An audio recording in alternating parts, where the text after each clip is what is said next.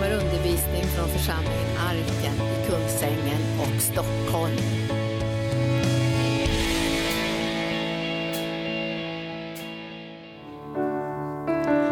Och vi tackar dig för att du är så dyrbar för oss. Och din vilja är så dyrbar för oss. Och vi överlåter oss för att göra din vilja. Vi säger som din underbara son Fader. Vi söker inte vår egen vilja, men vi söker din vilja. Vi söker din vilja som individer och som församling. Och vi söker nådegåvorna som ska bygga upp din församling som du har sagt. Och ge uppmuntran och uppbyggelse och tröst. Så kom heliga Ande och rör oss den här dag, första dagen på 2017 med en kärlekssmörjelse. Så våra liv smälter inför ditt ansikte. För du har sagt Herre att kärleken kommer att kalla oss de flesta. Därför att laglösheten kommer att öka i den här världen. Med krig och sjukdomar och nöd och övergrepp och våld. Men du har fött oss på en till ett levande hopp. För att bära din härlighet i våra hjärtan. Och bygga en plats för din härlighet. Så människor kan få skydd. Och därför tackar vi dig Gud för våra levande stenar. Och vi är villiga att låta oss inbyggas i den här muren. Och att vi får ett stabilt ledarskap som kan vara portar. Så att inte mörker tränger in och förstör och skadar. Och vi tackar dig Herre för att du bygger någonting vackert i den här tiden. Någonting annorlunda, någonting skönt. Dit människor kan se finns ett annat sorts liv att leva i en kärleksrelation med den levande Guden. Vi sjunger igen och så låter vi kärlekssmörjelsen fylla våra hjärtan.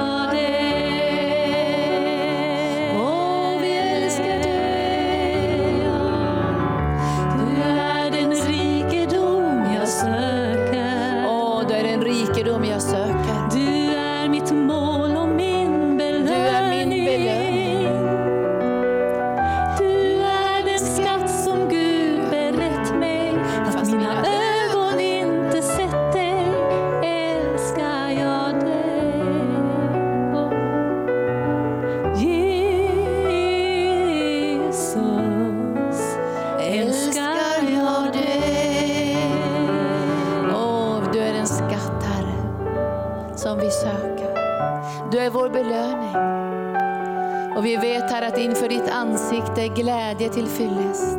Ljuvlighet inför din högra sida är vinnerligen. Och du har kallat oss att vara präster i din församling. Att bära fram lovets offer. Att inte bära fram främmande eld. Men att föra fram tillbedjan, upphöjelse till Jesus Kristus. Konungarnas konung och herrarnas herre. Och vi vet Fader att du tar emot vår tillbedjan genom Jesus Kristus. Han som är vår rättfärdighet, vår helgelse och vår återlösning, vår frälsning. Allt som vi behöver har vi i Sonen. Vi är välsignade i Sonen med all den himmelska världens andliga välsignelse. Och därför söker vi hans ansikte. Inför hans ansikte är glädje till fyllest. Och du har sagt här att de renhjärtade ska se dig. Men vi ser det inte med våra fysiska ögon. Vi ser det i vår ande. Genom våra andliga ögon skådar vi dig. Och vi vet här att vi ser dig nu bara bitvis, men en dag ska vi se dig till fullo. Och därför ber vi dig heliga Ande att den här platsen ska vara avskild, helig och ljuvlig och härlig. En uppenbarelseplats för himmelens konung. Kom helige Ande. I Jesu namn. Amen. Nu vill jag säga gott nytt år till alla er nu som ser oss via internet och TV. Så vill jag sända en riktigt, riktigt god, gott nytt år. Jag på att säga god jul också, men julen är ju precis på väg att ta slut och nu går vi in i det nya året. Och vänder om nu och så önskar ni varandra gott nytt år 2017. Gott nytt år. Halleluja. Tack Jesus. Halleluja. Det blev lite sent igår kväll. Gott nytt år. Jag tror inte jag kom i säng förrän klockan tre på natten. Men vi höll på lite härligt. Vi hade väldigt härligt igår, hade vi inte det? Ni som var här. Så hade vi ett riktigt tårt och eh, bakelse och kaka och godiskalas. Och vi hade dukat jätte, jättevackert där inne. Jag vill tacka alla som har jobbat också med nyårsfesten. Och sen hade vi ett härligt nyårsmöte mellan 10 och 24 och jag tyckte det var riktigt, riktigt festligt och härligt. Vi älskar högtiderna. Man brukar säga nyårs, nyår är liksom högtiden för församlingen och midsommar är ju också då vi har läger och glädjer oss över det vi gör tillsammans. Så vi kommer att se fram emot 2017 och vi bad igår och pastor Gunnar predikade väldigt bra. Det var riktigt bra. Och nu hade vi ju inte internetinspelning eller tv, men vi lägger ut det på ljudfil så du kan lyssna på ett mycket uppmuntrande budskap. Jag skulle vilja inspirera er, hela församlingen, att läsa den här boken nu den här månaden. Guds vilja för dig och församlingen. Vi hör ju när pastor Gunnar talar att vi söker inte vår egen vilja, vi söker hans vilja. När jag var 23 år så blev jag frälst i oktober. Och jag visste från första veckan att jag skulle tjäna Gud på heltid. Jag skulle vara Herrens präst och Herrens tjänarinna och jag skulle lägga ner mitt liv för ett högre syfte, för att tjäna Herren i den här yttersta tiden och vara delaktig i hans, att bygga hans församling, men också vara delaktig i hans frälsningsplan för den här världen. Och jag visste också när jag tog emot Jesus att jag får lägga undan väldigt många saker för att ge utrymme för det som Gud hade i mitt liv. Många saker som jag la undan var inte dåliga saker. Man kan tänka att jag har lämnat det där och droger och det ena och det andra. Utan man fick lägga undan saker som tog tid och plats. För att Gud skulle kunna få det utrymmet att verka i mitt liv. Och jag tänkte faktiskt tillbaka, jag satt igår och, och tänkte på det där, hur radikalt den här omvändelsen blev för mig. Och nu har det gått ganska många år och, och jag tackar Gud för budskapet vi fick för 2017 som vi nu har satt upp här som en härliga bokstäver som är tacksamhet. Och när jag ser tillbaka så tycker man vissa sådana här tider i ens liv, Eh, särskilt då när jag blev frälst då, 1971, började nästan 72, så var det just det här att, att se tillbaka och tänka, otroligt tacksam jag är över att jag får tjäna Jesus. Alltså det ger mig den absolut djupaste tacksamheten och glädjen över att få tjäna Jesus. Och jag tänker ibland på många saker som man skulle kunna ha gjort. Alltså det finns ju massor med saker och hobbys och grejer som man kunde ha gjort i, i, här, i jordelivet och fortsatt att göra i jordelivet. Men jag vill bara säga till er den här dagen 2017, att det bästa av livet har inte kommit än. Vet ni det? Jag, jag, jag hade kontakt med en av mina gamla kollegor vars barn dog och, och var en fruktansvärd olycka. Och sen så skrev han så här på Facebook att the best is still to come. Och då menar vi kanske inte 2017, 18, 19 och 20, vi talar om, om evigheten. Där det inte finns några sjuka, inga sargade, inga plågade, inga fattiga, inga förstörda människor. Det finns ingen nöd. Alltså vi kommer in i en perfekt tid. Tänk att du och jag ska gå på gator av guld. Tänk på det ni. Alltså vi ska få skåda Herren i en sån härlighet som vi här på jorden knappt kan tänka oss in i. För det står ju i första Korinthierbrevet att vi ser honom nu som i en spegel. Och vi profeterar bara till en del och vår kunskap till, är till en del. Men en dag ska vi se honom till fullo. Det, alltså det här evighets gör att vi under den här korta jordevandringen kan lägga undan saker för hans skull. För hans skull. För att, det, för att det ska bli frukt av hans lidande. Och det här kan vi bara göra om vi älskar Jesus. Och Paulus han säger sig, jag korsfäst för världen. Alltså jag har lagt ner mitt liv, jag är korsfäst för världen. Han säger, ve mig om jag inte predikar evangelium. Mitt liv har inget annat värde än att få predika evangelium. Och när han tittar tillbaka på sitt liv så säger han så här, allt det där som förut var en vinning för mig, det är avskräde. Det har tappat sitt värde mot det som jag har fått i Jesus Kristus. Därför behöver vi få våra ögon öppna, öppnade så vi värderar rätt saker. Alltså när, när Paulus skriver bland annat i Korinthierbrevet så säger han att varför bråkar ni med varandra, varför går ni till rätta inför världens domstolar, varför lider ni inte hellre skada? Förstår inte ni att ni är sådana människor som en dag kommer att döma änglarna? Ni kommer att sitta i himmelens domstol. Alltså ni kommer att sitta i positioner. Han talar om en tid när du kanske kommer att regera över tio städer. Han talar om ett, ett rike som kommer att slå in i den här världen. När alla skuggor och alla, allt det här täckelset kommer att försvinna och vi kommer att se precis hur det verkligen är. Tack Jesus. Och det är därför vi har sån tacksamhet i våra hjärtan att vi får tjäna Jesus. Tänk inte så, nu får jag lägga undan det och det för att jag ska tjäna Jesus. Tänk det mer som en vinst, att du gör det här för Jesus i denna yttersta tid. I den här andra tiden som kommer så åker vi inte till Indien och tar hand om barn eller försöker introducera helande tjänsten bland de sargade i Katmandu. Utan då lever vi i en annan tid och en annan värld. Men den här tiden prioriterar vi Guds rike. Får jag ett amen på det? Halleluja. Och ni är ju av den kalibern. Så därför skulle jag önska att ni läste den här boken. Och vi, vi har, jag har läst den själv nu under jullovet. Och jag gick särskilt igenom de första, liksom stannade kvar vid den första och sista delen i boken. Den första delen handlar ju om vägledande principer för Guds församling. Och den sista delen, sista bladen handlar ju om byggstenar för Guds församling. Guds församling är ju född av anden. Guds församling föddes ju på pingstdagen. När elden kom från himlen, då föddes Guds församling. Den föddes inte i någon slags eh, obetydlighet. Den föddes i kraft och synlighet. När Jesus kom in i den här världen var det obetydligt då syntes ingenting.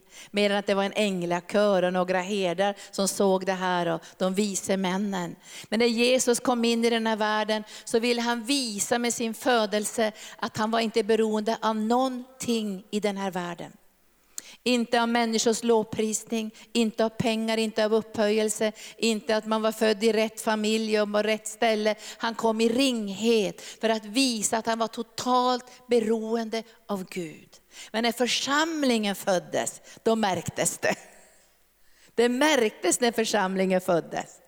Det var ingen lika obetydlig situation. Utan när församlingen föddes så dånade det ifrån himlen. Det dånade. Det var inte en stilla susning, det var inte en liten, liten eldslåga som syntes. Det dånade från himlen. Och alla blev uppfyllda av den Helige ande. Och det blev ett heligt prästerskap. Och Herrens tjänare rustades för att vara Jesu vittnen i den här yttersta tiden inför hans tillkommelse. När församlingen föddes så dånade det. Och alla förundrade sig. När församlingen föddes så var de druckna av det nya vinet. Därför det gamla vinet var på väg att ta slut. Och det nya vinet bara bröt fram. Och de var så druckna av det nya vinet att de knappt kunde gå. Och det här visar ju Jesus i Johannes evangelium i bröllopet i Kana. När de hade hundratals liter av vin. Det var en profetisk bild på församlingen. Är du glad när jag säger det här nu? När församlingen föddes så var det inte bara lite, de satt i ett hörn någonstans där borta, var inlåsta, fyllda med rädsla och de fick vara jätteglada om de fick stå på ett frimärke och får vi stå med mössan i hand och kanske vi får lite utrymme. När församlingen föddes så dånade från himlen. Och när församlingen föddes så samlade Gud folk i Jerusalem från alla folk och alla släkten, från länder vida omkring, så hade de kommit till Jerusalem. Är inte det förunderligt? De hade kommit till Jerusalem när församlingen skulle födas, därför Gud gav ett profetiskt ord att evangelium ska gå ut till alla folk över hela jorden. Tänk att du och jag är med i det här. Alltså jag kan bli så tacksam så jag bara prisar Herren. När församlingen föddes så, så, så stannade de inte i övre salen när, när elden föll, utan de gick ut från övre salen fyllda med den heliga ande, med ett flöde i den heliga ande. Och alla människor kunde höra evangelium på sina egna språk. Och då undrar ju jag, hur i all världen kunde alla de här höra? Det är jätte jättemycket folk. Det var den helige andes mirakel. När evangelium går ut så kan Herrens ande översätta evangelium in i varje människas hjärta. Jag tror att det blev en övernaturlig så att säga, smörjelse av den heliga ande, där andens nådegåva, uttydningen var i verksamhet. Så varenda människa som fanns i Jerusalem, från alla möjliga språkgrupper, kunde höra om Herrens mäktiga gärningar. Det var så församlingen föddes. Och jag tror att vi går in i en tid när församlingen börjar förstå sin identitet och sin kallelse. Vi ber inte om ursäkt för vilka vi är. Vi står inte på våra arbetsplatser och undrar, och kanske jag får fem minuter någonstans. Utan vårt uppdrag är att predika, proklamera evangelium med full kraft.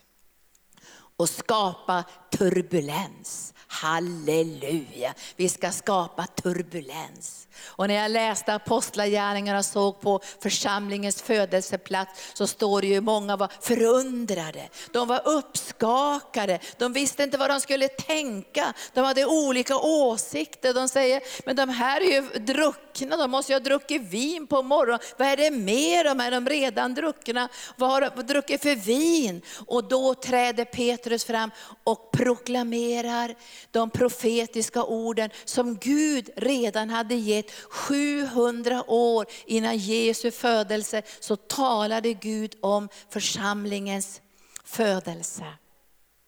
Och han säger i Joels bok att den heliga ande ska falla och män och kvinnor, tjänare och tjänarinnor, unga och gamla ska tillsammans stå i den heliga andes kraft och en ny tid ska bryta in och då händer det något i människornas hjärtan. De får ett styng i sina hjärtan. Och jag ska, innan jag går in och predikar nu så ska vi be att människor ska få det här stynget. Alltså de ska känna, vi måste göra bättring. Vi måste ta emot Jesus. Det här vill, det här vill jag, jag vill, vet att du vill det också. Det här ska ske över hela vårt land. Alltså det ska ske genom den heliga ande och genom att vi är stolta och frimodiga som Guds församling. Vi ber inte om ursäkt för vårt uppdrag. Vi står inte med mössan i hand och ber att få två, tre minuter. Vi är kallade att predika evangelium för hela skapelsen. Vi har ett högheligt uppdrag. Vi är Herrens tjänare och vi är Herrens präster. Och vi ska säga ja till det uppdraget. Och vi ska be att det ska bli styng i människors hjärtan genom den heliga ande. Och att gåvan, att, att uttydningens gåva, att människor ska höra evangelium just i sin livssituation. För alla människor är olika. Och de behöver höra evangelium in i sina egna liv, just det liv som de lever just nu. Och den heliga ande är mäktig att göra det verket. Så nu vill jag be Herre om 2017, Att vi ska få se den här väckelsevågen på våra arbetsplatser, bland våra anhöriga, att vi ska få möta människor var än du sänder oss. Och vi kommer att få se det här som den första församlingen fick se när den föddes på pingstdagen. Att människor fick ett styng i sina hjärtan och frågade, hur kan vi bli frälsta? Hur kan vi bli räddade? Och jag ber dig heliga Ande, att de frågorna ska bli levande i människors hjärtan. Att de ska ställa de frågorna. Och jag ber här att församlingen Arken ska vara redo att svara svara på de frågorna. Så här kan man göra för att bli frälst. Man öppnar sitt hjärta och tar emot Jesus som sin frälsare och Guds frälsningserbjudande om en rättfärdighet som kommer ifrån himlen genom Jesu död och uppståndelse. Att vi låter döpa oss och lämna det gamla livet och gå in i det nya livet. Där vi lägger undan allt för att ge utrymme för hans vilja, hans planer och hans tankar för oss individuellt och för Guds församling. I Jesu Kristi namn. Amen. Halleluja. Tack Jesus. Jag såg på TV en av dagarna nu under julen och då var det en äldre kvinna i ett, i, jag tror det var, det var ett sånt där samtalsprogram, som berättade att hon hade varit i koncentrationsläger tillsammans med sin syster. Jag tror det var i Auschwitz. Och hennes föräldrar de blev ju gasade och dödade och brända. Men hon och hennes syster, jag vet inte om hennes syster överlevde, men hon överlevde. Och jag tror att hon var närmare 90 år, väldigt vacker kvinna som reste runt i Sverige och berättade om, om Holocaust och förintelsen. Och så sa hon någonting, hon sa så här, antisemitismen har funnits sedan tidsåldrarnas begynnelse, sa hon. Och när jag är i skolorna så frågar ofta barn, vad beror det på att just judarna blir så förföljda? Och så sa hon så här, jag har aldrig kunnat svara på den frågan, sa hon. För jag vet inte varför just judarna blir så förföljda. Och då tänkte jag så här, det skulle jag kunna svara på. Och jag ska försöka få tag på henne och skriva ett brev till henne och säga, jag vet varför judarna har blivit förföljda. Och det beror på Guds frälsningsplan. Guds frälsningsplan. Och Jesus säger, frälsningen kommer ifrån judarna. Men Guds frälsningsplan börjar inte med judarna. Guds frälsningsplan börjar vid syndafallet. När människosläktet föll, så börjar Gud planera en frälsningsplan. Är inte det härligt? Det var Gud som offrade det första djuret, vet ni det? Det var han som dödade ett lamm eller ett får. Och så gav han den första människorna djurkläder som de fick täcka sig med. Det var det första offret. Och sen säger Herren att han själv ska träda in och kvinnans säd ska sönderkrossa ormens huvud. Kvinnans säd. Och sen kan vi läsa i Bibeln, profetorden, att jungfrun ska bli havande. Hon ska föda en son. Och hans namn ska vara Emanuel, Gud med oss. Gud ska kunna träda in bland människorna och upprätta den andliga djupa kärleksrelationen. Och så tänker Gud att han ska välja ut ett folk. Och för att kunna välja ut ett folk så måste han ju först välja ut några personer. Och han väljer ut Abraham. Och så väljer han ut Abraham och så börjar den här gudomliga planen. Och så låter han det här lilla, lilla folket som bara kanske är en familj från början, att komma till Egypten. Och så växer de till. Och så växer de till. Och så vet vi genom gamla testamentet hur de hamnade i slaveri. Därför att även om det var bra i Egypten så kunde de inte få de djupaste behoven tillfredsställda. Därför det judiska folkets identitet var gudstjänsten, gudsrelationen och högtiderna. När jag reser till Israel så tänker jag, de har så mycket högtider att man vet nästan inte var man ska passa in sina konferenser och möten i Israel. Därför de älskar högtider. Alltså de har så mycket högtider och det är inte en högtid som är en dag utan det är flera, flera dagar. som de har sina högtider. De älskar högtiderna. Och när man läser gamla testamentet kan man se att Israels folk i förskingringen och i fångenskapen, de längtade efter högtiderna. De ville tillbaka till högtiderna.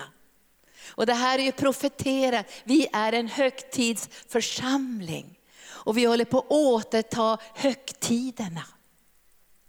Gunnar och jag har tjänat i den här församlingen i 30 år och jag tror inte vi har varit borta från en enda nyårsfest under alla 30 år. Jag tror aldrig vi har varit borta ifrån en enda eh, eh, julfirande eller vad det nu är för firande, och påsken och pingsten. För vi känner så här, vi är en högtidsförsamling och vår identitet stärks i högtiderna. Och då tänker jag framförallt på de bibliska högtiderna. När jag träffar judar och messianska judar, då talar de väldigt mycket om högtiderna. Och det var det som också när Hemja och Esra försökte återinföra i Israel, det var högtiderna. Högtiderna och gudstjänsten. Det var det som var själva centrum i det judiska folkets identitet. Och det var därför de hängde upp sina harpor i främlingsland. För de sa, hur ska vi kunna sjunga Herrens sånger i främlingsland? Och när de fick lämna Egypten så var det första som Gud sa, ni ska ut i öknen och där ska ni fira gudstjänst. Det första de fick investera i, det var tabernaklet, där de skulle upprätta en plats så att Herren skulle kunna uppenbara sin härlighet. Och jag tror att vi håller på att återvända som Guds församling och som individer till själva centrum av kristendomen. Får jag ett amen på det? Gudstjänsterna och högtiderna.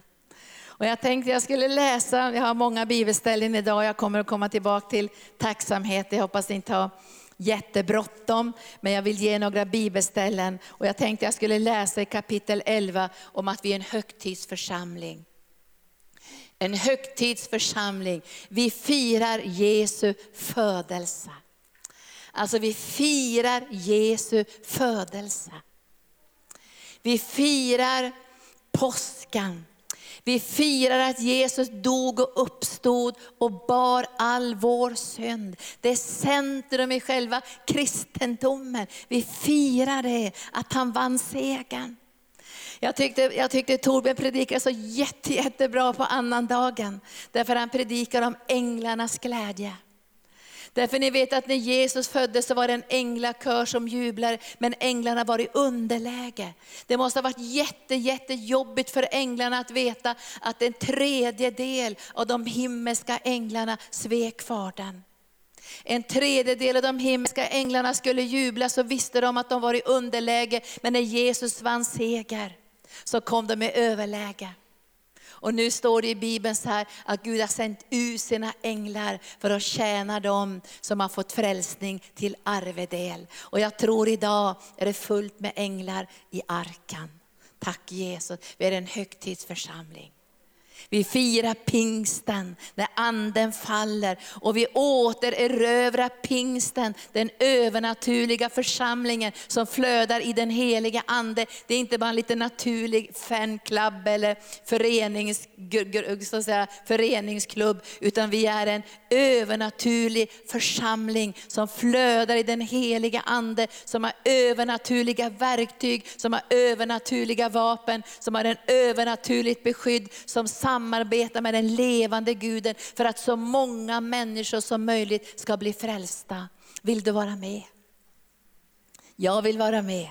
Och jag vet att du vill vara med i den mest fantastiska räddningsplanen någonsin som den här världen har sett. Och det är lätt att bli frälst. Jag vet inte om du är här idag som ännu inte är frälst. Det, blir, det är lätt att bli frälst. Vet du, det är nästan för lätt att bli frälst. Man skulle önska att man fick stå på händer och gå ner i brygga och, och ge 500 000 och gå på sina knän till Rom eller någonting för att bli frälst. Men det är lätt för dig och mig att bli frälst. Men det var inte lätt för Jesus att köpa din frälsning. Han har gjort den väldigt svåra, omöjliga delen för att du ska kunna ta emot frälsning. Och vet ni att alla kan bli frälsta. Ett barn kan bli frälst. En människa som är förståndshandikappad kan bli frälst. En människa som ligger på sitt yttersta kan bli frälst. Därför han har gjort allting för vår frälsning. Det enda som vi behöver göra är att säga ja tack. Ja tack. Därför att det är ja tack frälsning. Han har gjort den svåra delen. Och är du här idag som ännu inte är frälst, så bara öppnar du ditt hjärta och säger, jag tar emot Jesus Kristus som min frälsare. Och sen kommer den helige Ande och gör miraklet. Det var det som Maria fick uppleva, det här miraklet. Alltså hon står bara och säger så här, hur i all världen ska det här kunna ske? Kan det ske för att du säger det? Ängeln kommer ju till henne och säger du ska bli gravid på ett övernaturligt sätt. Och så hur i all världen ska det här gå till? Och då säger han bara ängeln, den heliga ande kommer att göra det. Så när du säger ja till Jesus och säger, jag tar emot dig som min frälsare, då kommer den heliga ande och gör det här miraklet. Och så föds du på nytt. Är det inte fantastiskt? Men det är ett verk av den helige ande och därför behöver det här stynget komma och frågan, hur kan jag bli frälst? Hur kan jag bli frälst? Hur, vad ska jag göra för att bli frälst? Du behöver inte göra någonting annat än att säga ja tack Jesus. Och så gör anden resten och så blir du frälst. Halleluja. Vi är en högtidsförsamling. Jag läser ifrån Hebreerbrevet kapitel 11, vers 24. I tron vägrade Moses som vuxen att kallas faraos dotterson.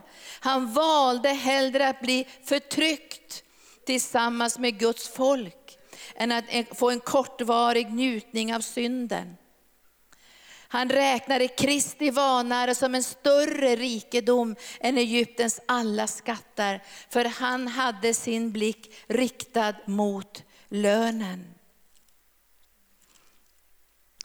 Och sen ska vi läsa kapitel 12 i versen 22. När ni har kommit till Sions berg, till den levande Gudens stad, till det himmelska Jerusalem, till änglar i mångtusen tal. Halleluja, det är det som vi har kommit till. 12 och 22, vi har kommit till Sionsberg, till den levande Gudens stad, till det himmelska Jerusalem, till änglar i mångtusental, till en festgemenskap och en församling av förstfödda som har sina namn skrivna i himlen. Till en Gud som är allas domare och till andarna av rättfärdig av rättfärdiga som nått fullkomningen. Ni har kommit till det nya förbundets medlare Jesus och det renande blodet som talar starkare än Abels blod. Vi är en festförsamling. Och vi ska återta fest festligheten och vi ska återta högtiderna och vi ska ännu mera återta återta gudstjänsten där vi tillsammans möter Jesus ansikte mot ansikte och rustas för att tjäna honom i den här yttersta tiden för att föra ut Guds evangelium. Tacksamhet ska vi tala om nu en liten stund, som är ordet för 2017. Tacksamhet. Jag har några punkter som jag skulle vilja dela just om tacksamhet. Kolosserbrevet 3 och 12 ska vi börja med och läsa när Herren talar om just tacksamhet. 3 och 12 så talar han om oss som är utvalda och heliga och älskade. Vad viktigt det är att veta vem man är. Och Herren säger till dig och mig idag att vi är Guds utvalda, vi är heliga och älskade. Det är vår identitet. Vi är utvalda av Gud. Därför gör det här oss väldigt speciella i den här världen. Vi är utvalda. Inte till vad som helst, men vi är utvalda för att bära Herrens härlighet och vara delaktiga i hans stora plan för världens frälsning. Vi är utvalda kapitel 3, versen 12. Klä er därför som Guds utvalda, heliga och älskade. I innerlig barmhärtighet, godhet, ödmjukhet, mildhet och tålamod. Ha överseende med varandra och förlåt varandra om ni har någonting att anklaga någon för, så som Herren har förlåtit er, ska ni förlåta varandra. Och över allt detta ska ni klä kärleken, bandet som förenar till fullkomlig enhet. Låt Kristi frid regera i era hjärtan, den frid som ni vill kalla det till i en och samma kropp och var tacksamma. Var tacksamma. Här kommer en uppmaning, var tacksamma. Jag tror att den här uppmaningen är väldigt viktig för att du och jag ska kunna vandra i förlåtelse. Att vi ska kunna ikläda oss den här kärleken, att vi ska kunna regera i frid. Att vi går tillbaka till den här platsen där vi är tacksamma. För jag tror att tacksamheten gör att vi får fokus på rätt saker. Tror ni inte det? Bibeln säger så här i, i, i Hebreerbrevet kapitel 12, har blicken på Jesus, trons hövding och fullkomnare. Ha blicken på honom och tänk på honom så ni inte blir trötta och modlösa. Tacksamheten gör att du och jag behåller fokus. Vi kan ha blicken på rätt ställe. Och när vi har blicken på rätt ställe så blir det också lättare för oss att prioritera. Herren säger här vidare i versen 16, låt Kristi ord rikligt bo i er med all vishet. Undervisa och förmana varandra med salmer och hymner och andliga sånger. Och sjung med, till Gud med tacksamhet i era hjärtan. Allt vad ni gör i ord eller handling, gör det i Herren Jesu namn och tacka Gud Fadern genom honom. Tacksamheten måste sjunka ner i våra hjärtan. Och här 2016 har jag fått tacka Gud väldigt mycket. Jag har fått tacka Gud för att liksom hålla fokus. Jag har fått tacka Gud, för jag tycker 2016 har, för mig som ledare, och jag har känt till och från under 2016 en väldigt stor bedrövelse. Jag har känt liksom bedrövelse, jag har känt att det har varit saker som har liksom gjort att jag ibland har känt att det här var bedrövligt. Det har hänt saker, det har, på många olika sätt så har jag känt att det här, det här har gjort mig bedrövad. Men jag vet också att Herren säger att vi är bedrövade men alltid glada. Eller hur? Tacksägelsen, jag har sagt tack Jesus, tack Jesus. Jag har blicken på rätt ställe, jag har blicken på dig. Inför ditt ansikte glädje till fyllest, ljuvlighet vid din högra sida är vinnerlig. Och jag vet Herre, att har vi blicken på rätt ställe så kommer vi igenom. Vi kommer igenom i varje livssituation, vi kommer igenom i, i människors utmaningar. Jag tycker det har varit väldigt mycket utmaningar i människors liv när det gäller ohälsa, när det gäller sjukdomar. tänker jag inte bara på arken utan alla människor som kontaktar oss, som verkligen lider nöd. Som har svåra, långvariga sjukdomar, som har så djup nöd. Att när de ringer så bara gråter de i sin förtvivlan.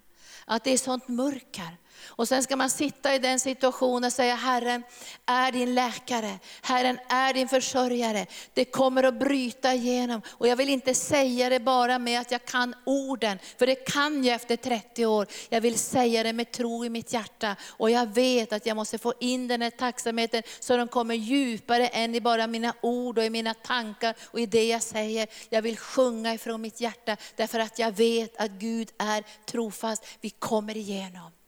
Han vill inte bara hela och upprätta, står det i Jesaja 61. Han vill ha rättfärdighetens terebinter. Han vill ha präster, han vill ha Herrens tjänare. Han vill bygga upp och han vill stärka och han vill ge liv. Och därför måste den här tacksägelsen och tacksamheten sjunka in i våra hjärtan hjärtan och liksom bli ett livsrum på insidan så det kan flöda en lovsång som inte bara manifesterar sig när vi kommer samman i våra gudstjänster, men en lovsång som flödar ut på våra arbetsplatser, som flödar ut på i mötesplatserna, i varje gren som vi har i arken.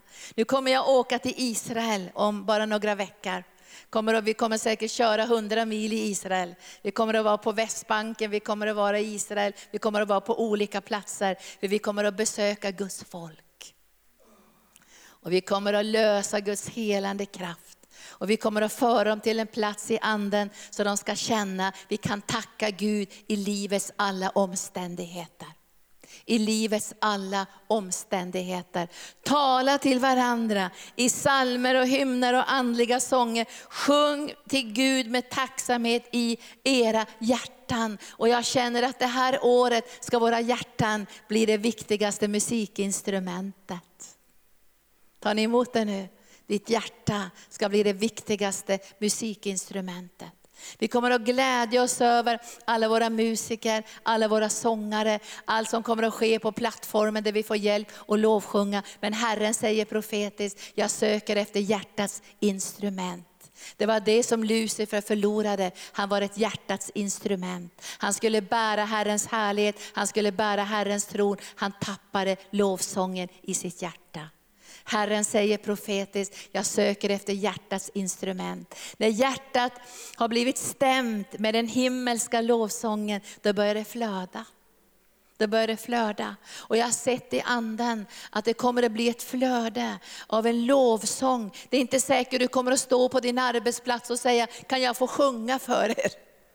Men alla kommer att märka att det har hänt någonting i ditt hjärta. Det är stämt det här hjärtat efter himmelens lovsång. Och det här kommer att göra att människor kommer att få ett styng i sina hjärtan. För de kommer att märka genom ditt liv, du har ett annat liv.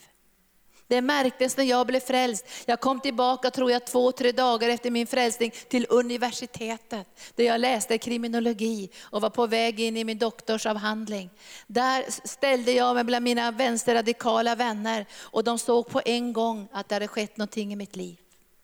Mitt hjärta hade blivit stämt till en himmelsk lovsång. Och de frågade vad det som har skett, har du blivit galen, har du kommit med i en sekt, vad är det som har skett? Det syntes i mina ögon. Och det löste både förundran och vrede.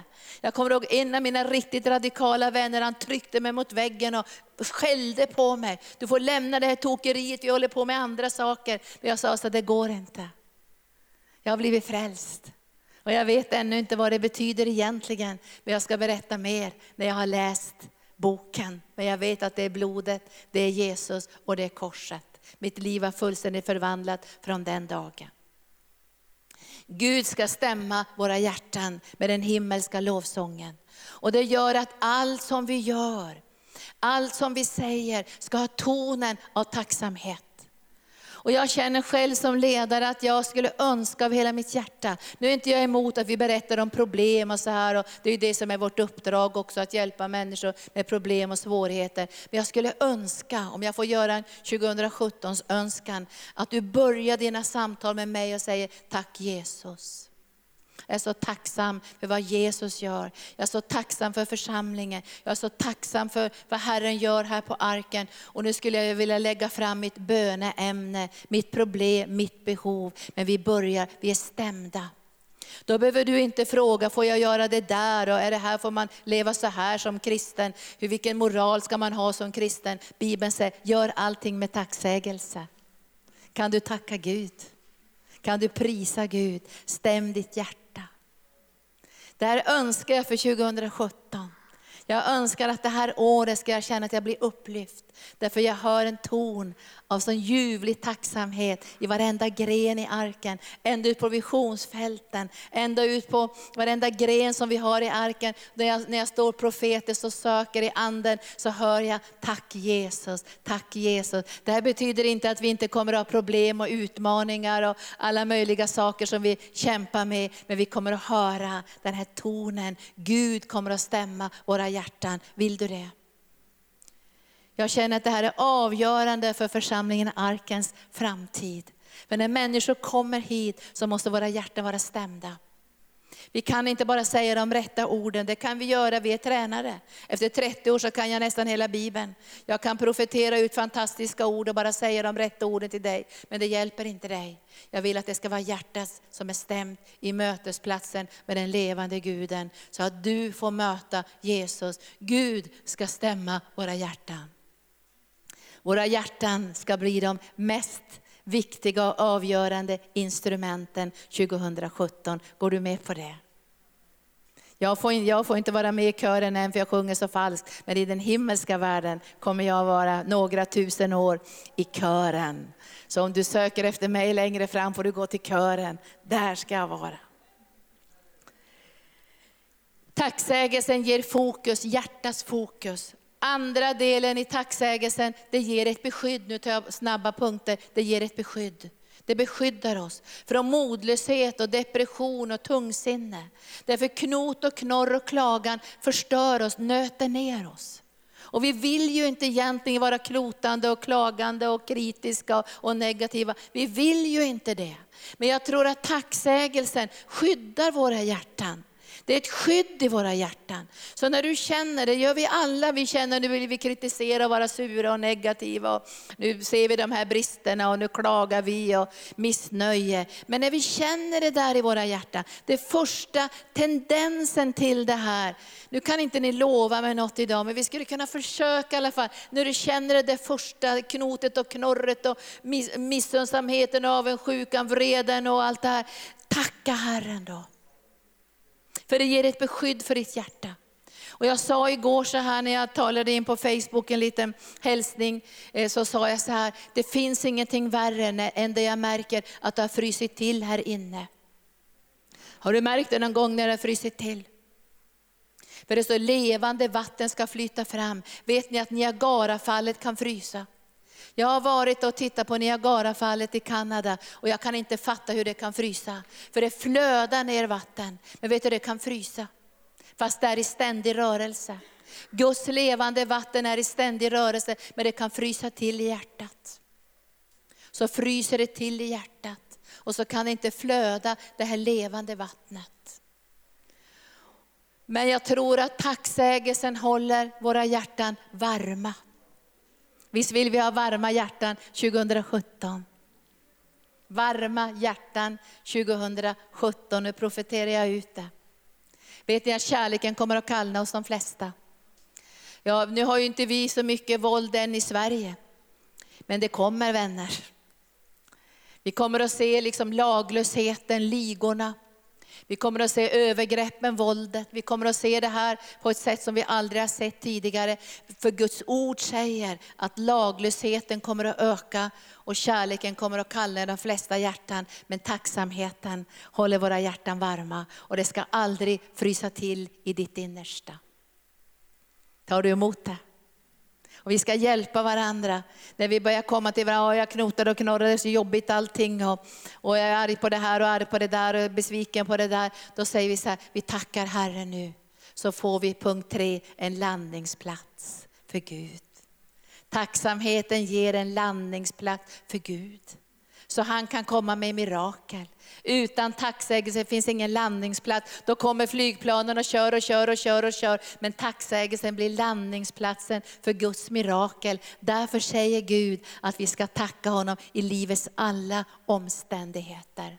I sjukdom, i utsatthet, i nöd ska vi tacka Jesus. För tacksamheten gör att det blir en landningsplats så att Gud kan komma in i våra liv. Vi tackar inte Gud för sjukdomar, vi tackar inte Gud för dåliga grejer, vi tackar inte Gud för det negativa, men vi tackar Gud för att han ska komma med sina mirakler och sina lösningar och sin visdom. Och därför tackar vi Gud i livets alla omständigheter och gör bereder för Gud en landningsplats i våra liv. Nästa punkt, tacksägelsen ökar möjligheten för Gud att manifestera sin närvaro. Vad är det du har varit tacksam för under åren som har varit? Har det inte varit Guds närvaro? Jag har tänkt många gånger, vad, vad skulle jag vara beredd att förlora? Jag ska säga att det som jag aldrig skulle vilja förlora, det som är det dyrbaraste av det dyrbaraste i mitt liv, och jag tror också i ditt liv, det är Guds närvaro. Alltså, och David säger, ta inte din närvaro ifrån mig. Ta inte din ande ifrån mig. Därför det var så dyrbart för David att känna Guds närvaro. Och många gånger kan vi känna, jag tycker vi har tappat någonting av Guds närvaro. Det känns liksom lite unket och lite tråkigt och lite begränsat och man, man känner man är hungern och längtan efter Gud. Men Herren sa tacksamheten och tacksägelsen bereder en plats för Guds närvaro. Så när vi möter varandra så tackar vi Herren. Och vi kommer att känna på varenda avdelning, varenda plats där vi rör oss som en arkenförsamling, att det är någonting som följer oss. Det är Herrens närvaro. För vad tacksamhet är magnetiskt. Det drar till sig Guds närvaro. Och därför säger ju Jesus till oss i många ställen i Bibeln, överflöda i tacksägelse. Låt tacksägelse höras, prisa er saliga, därför att tacksägelsen drar till sig Guds närvaro. Och därför kommer vi under det här året att låta massor av er här, många av er vittna. Vi ska fråga så här, vad vill du tacka Herren för? Och så ska ni alla få möjlighet att tacka Herren. Vad han gör i era liv, vad han har gjort i era liv. Alltså ni ska få tacka Herren. Och vi kommer att ha i varenda möte en möjlighet för någon eller flera att få säga, jag vill tacka Jesus för det här eller för det här eller för det här. Jag vill tacka Jesus. Till sist så vill jag säga att tacksamhet öppnar våra ögon så vi kan se. Jag ska, jag ska avsluta med att läsa ifrån Romarbrevet där det står att de glömde bort att tacka Gud. Det hände någonting i deras hjärtan, de tackade inte Gud. Och då kom det mörker över deras liv. Romarbrevet kapitel 1 och versen 21. De hade sett Gud genom skapelsen. Alltså visst är skapelsen fantastisk. Ibland brukar jag titta på sådana här filmer om korallreven. Vet ni att stora delar av korallreven håller på att dö nu. Färgerna försvinner från korallerna, de håller på att dö. Djurarter utrotas. Men vi har ett hopp. Och hela skapelsen har ett hopp. Att jorden kommer att födas på nytt och få tillbaka all sin skönhet och härlighet. Och där ska du och jag vara med. Jag tycker om att vara bland människor som tackar Gud. När jag skrev min senaste krönika i Världen idag, jag fick skriva julkrönika, så nämnde jag att jag hade varit på en konsert med Josh Groban.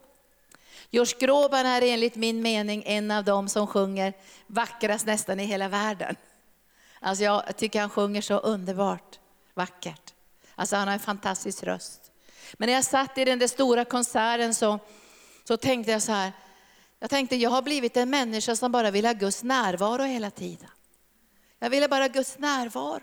Och när jag satt där, han pratade lite grann mellan sångerna och lite ytligt prat. Jag tänkte, jag vet inte om han är kristen, jag har inte en aning om hans liv. Men det var väldigt ytligt prat mellan sångerna. Så sjöng han olika sånger.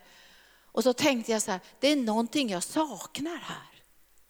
Guds närvaro. Jag saknar att någon skulle resa sig upp och säga tack Jesus.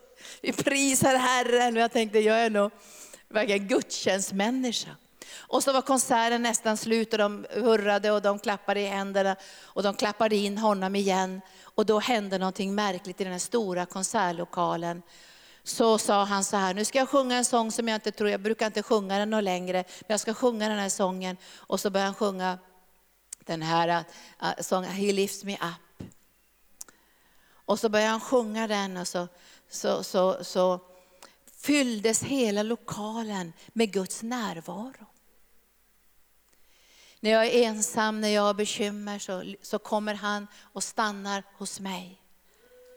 När jag är nedtryckt så bär han mig och så sjöng han den här fantastiska sången. Och så reste sig alla i hela konsertlokalen, tog fram sina mobiltelefoner och tände, tände ficklamporna och så började de lyfta sina händer och så lystes hela lokalen upp och plötsligt kände jag Guds närvaro. Gud kom över sina ord i den här sången. Guds närvaro manifesterade sig. Och jag tänkte på det här när människor har sett Gud på ryggen genom skapelsen, så prisar de inte och tackade Gud och då hände det någonting. Det står så här i kapitel 1 och versen 12, trots att, de inte kände, trots att de kände Gud så prisade de honom inte som Gud eller tackade honom. De prisade inte honom som Gud. Att han är skaparen till allt. Han äger allt. Genom honom har allting blivit till. De tackade honom inte som Gud och de prisade honom som inte som Gud. Och då förblindades de och mörker sänktes över deras oförståndiga hjärtan. Tacksägelsen öppnar våra hjärtan så vi kan se. Och jag tror 2017 så kommer vi att se tillsammans på ett nytt sätt. Vi kommer att se profetiskt. Vi kommer att se framtiden. Vi kommer att se vad Gud önskar att göra med oss tillsammans. Vi kommer att få våra ögon öppnade. Därför tacksägelsen öppnar våra ögon så att vi kan se. Är det någonting som Gud har särskilt tänkt för 2017? Jag tror att vi kommer att uppskatta gudstjänsten.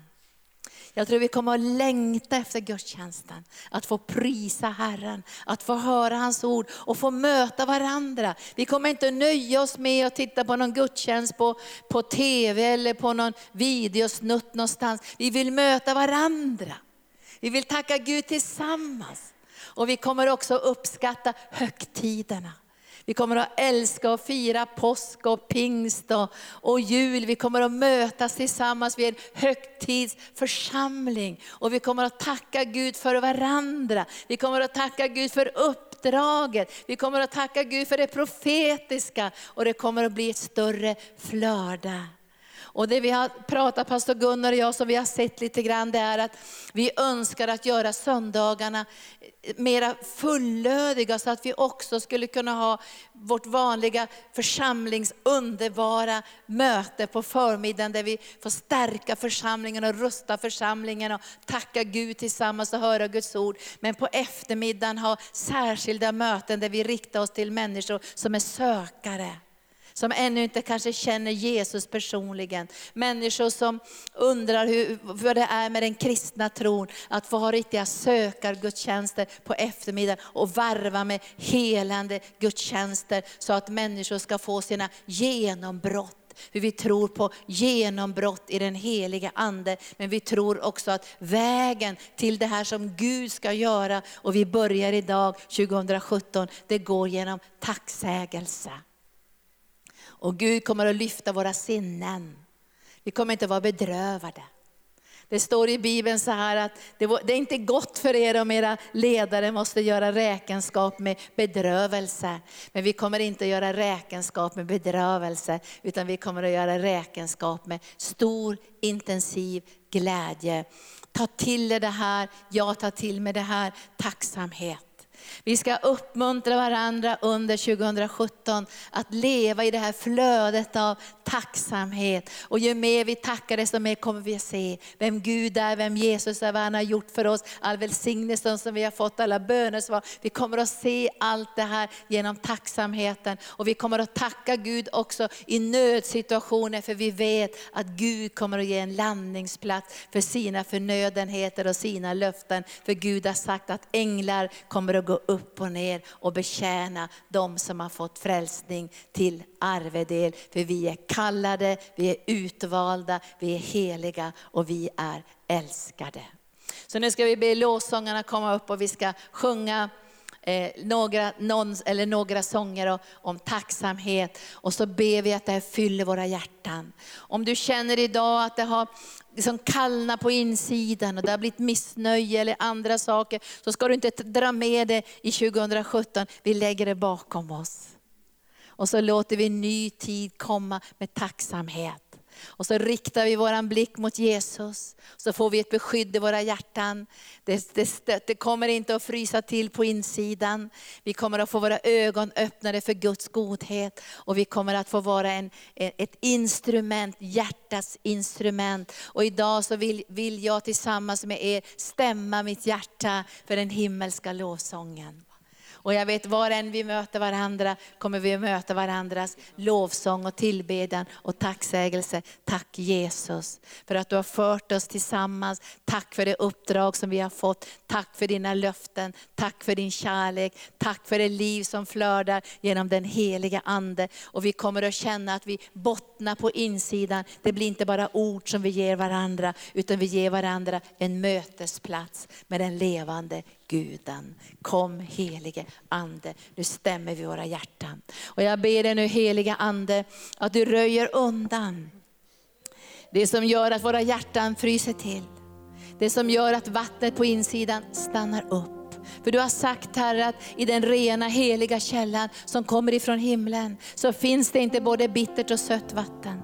Och därför ber vi dig heliga Ande att du tar vårt hjärtas instrument den här förmiddagen och så stämmer du det. Stäm alla strängar i vårt hjärta.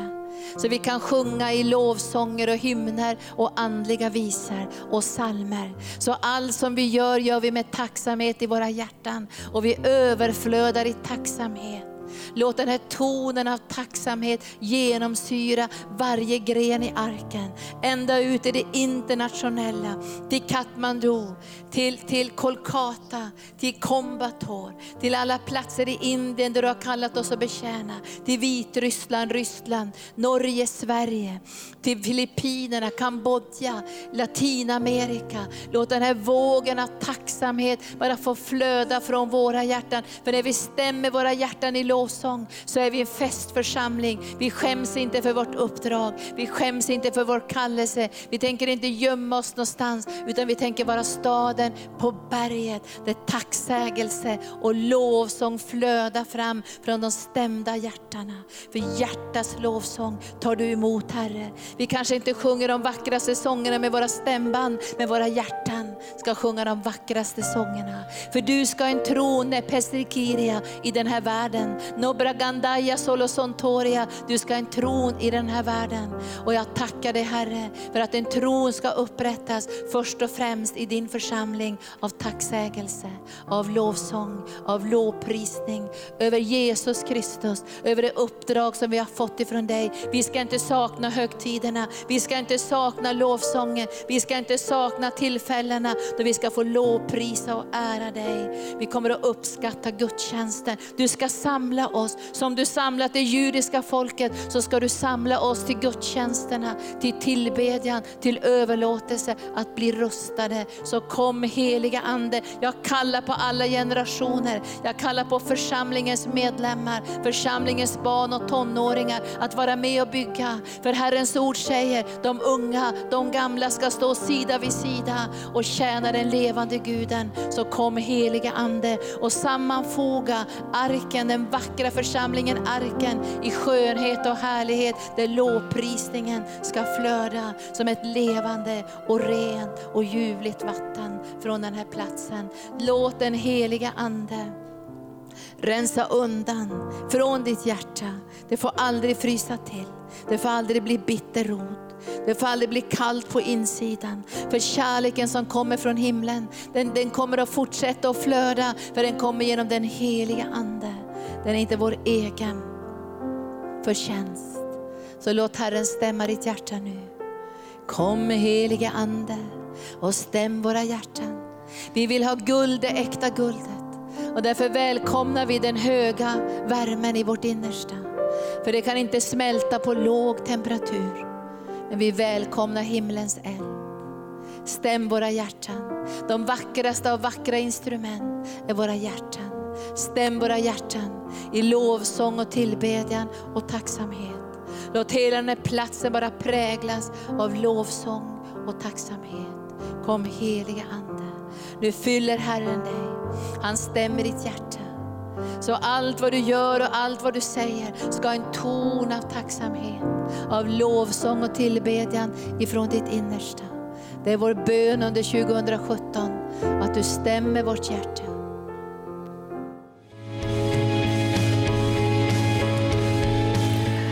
För att du har lyssnat.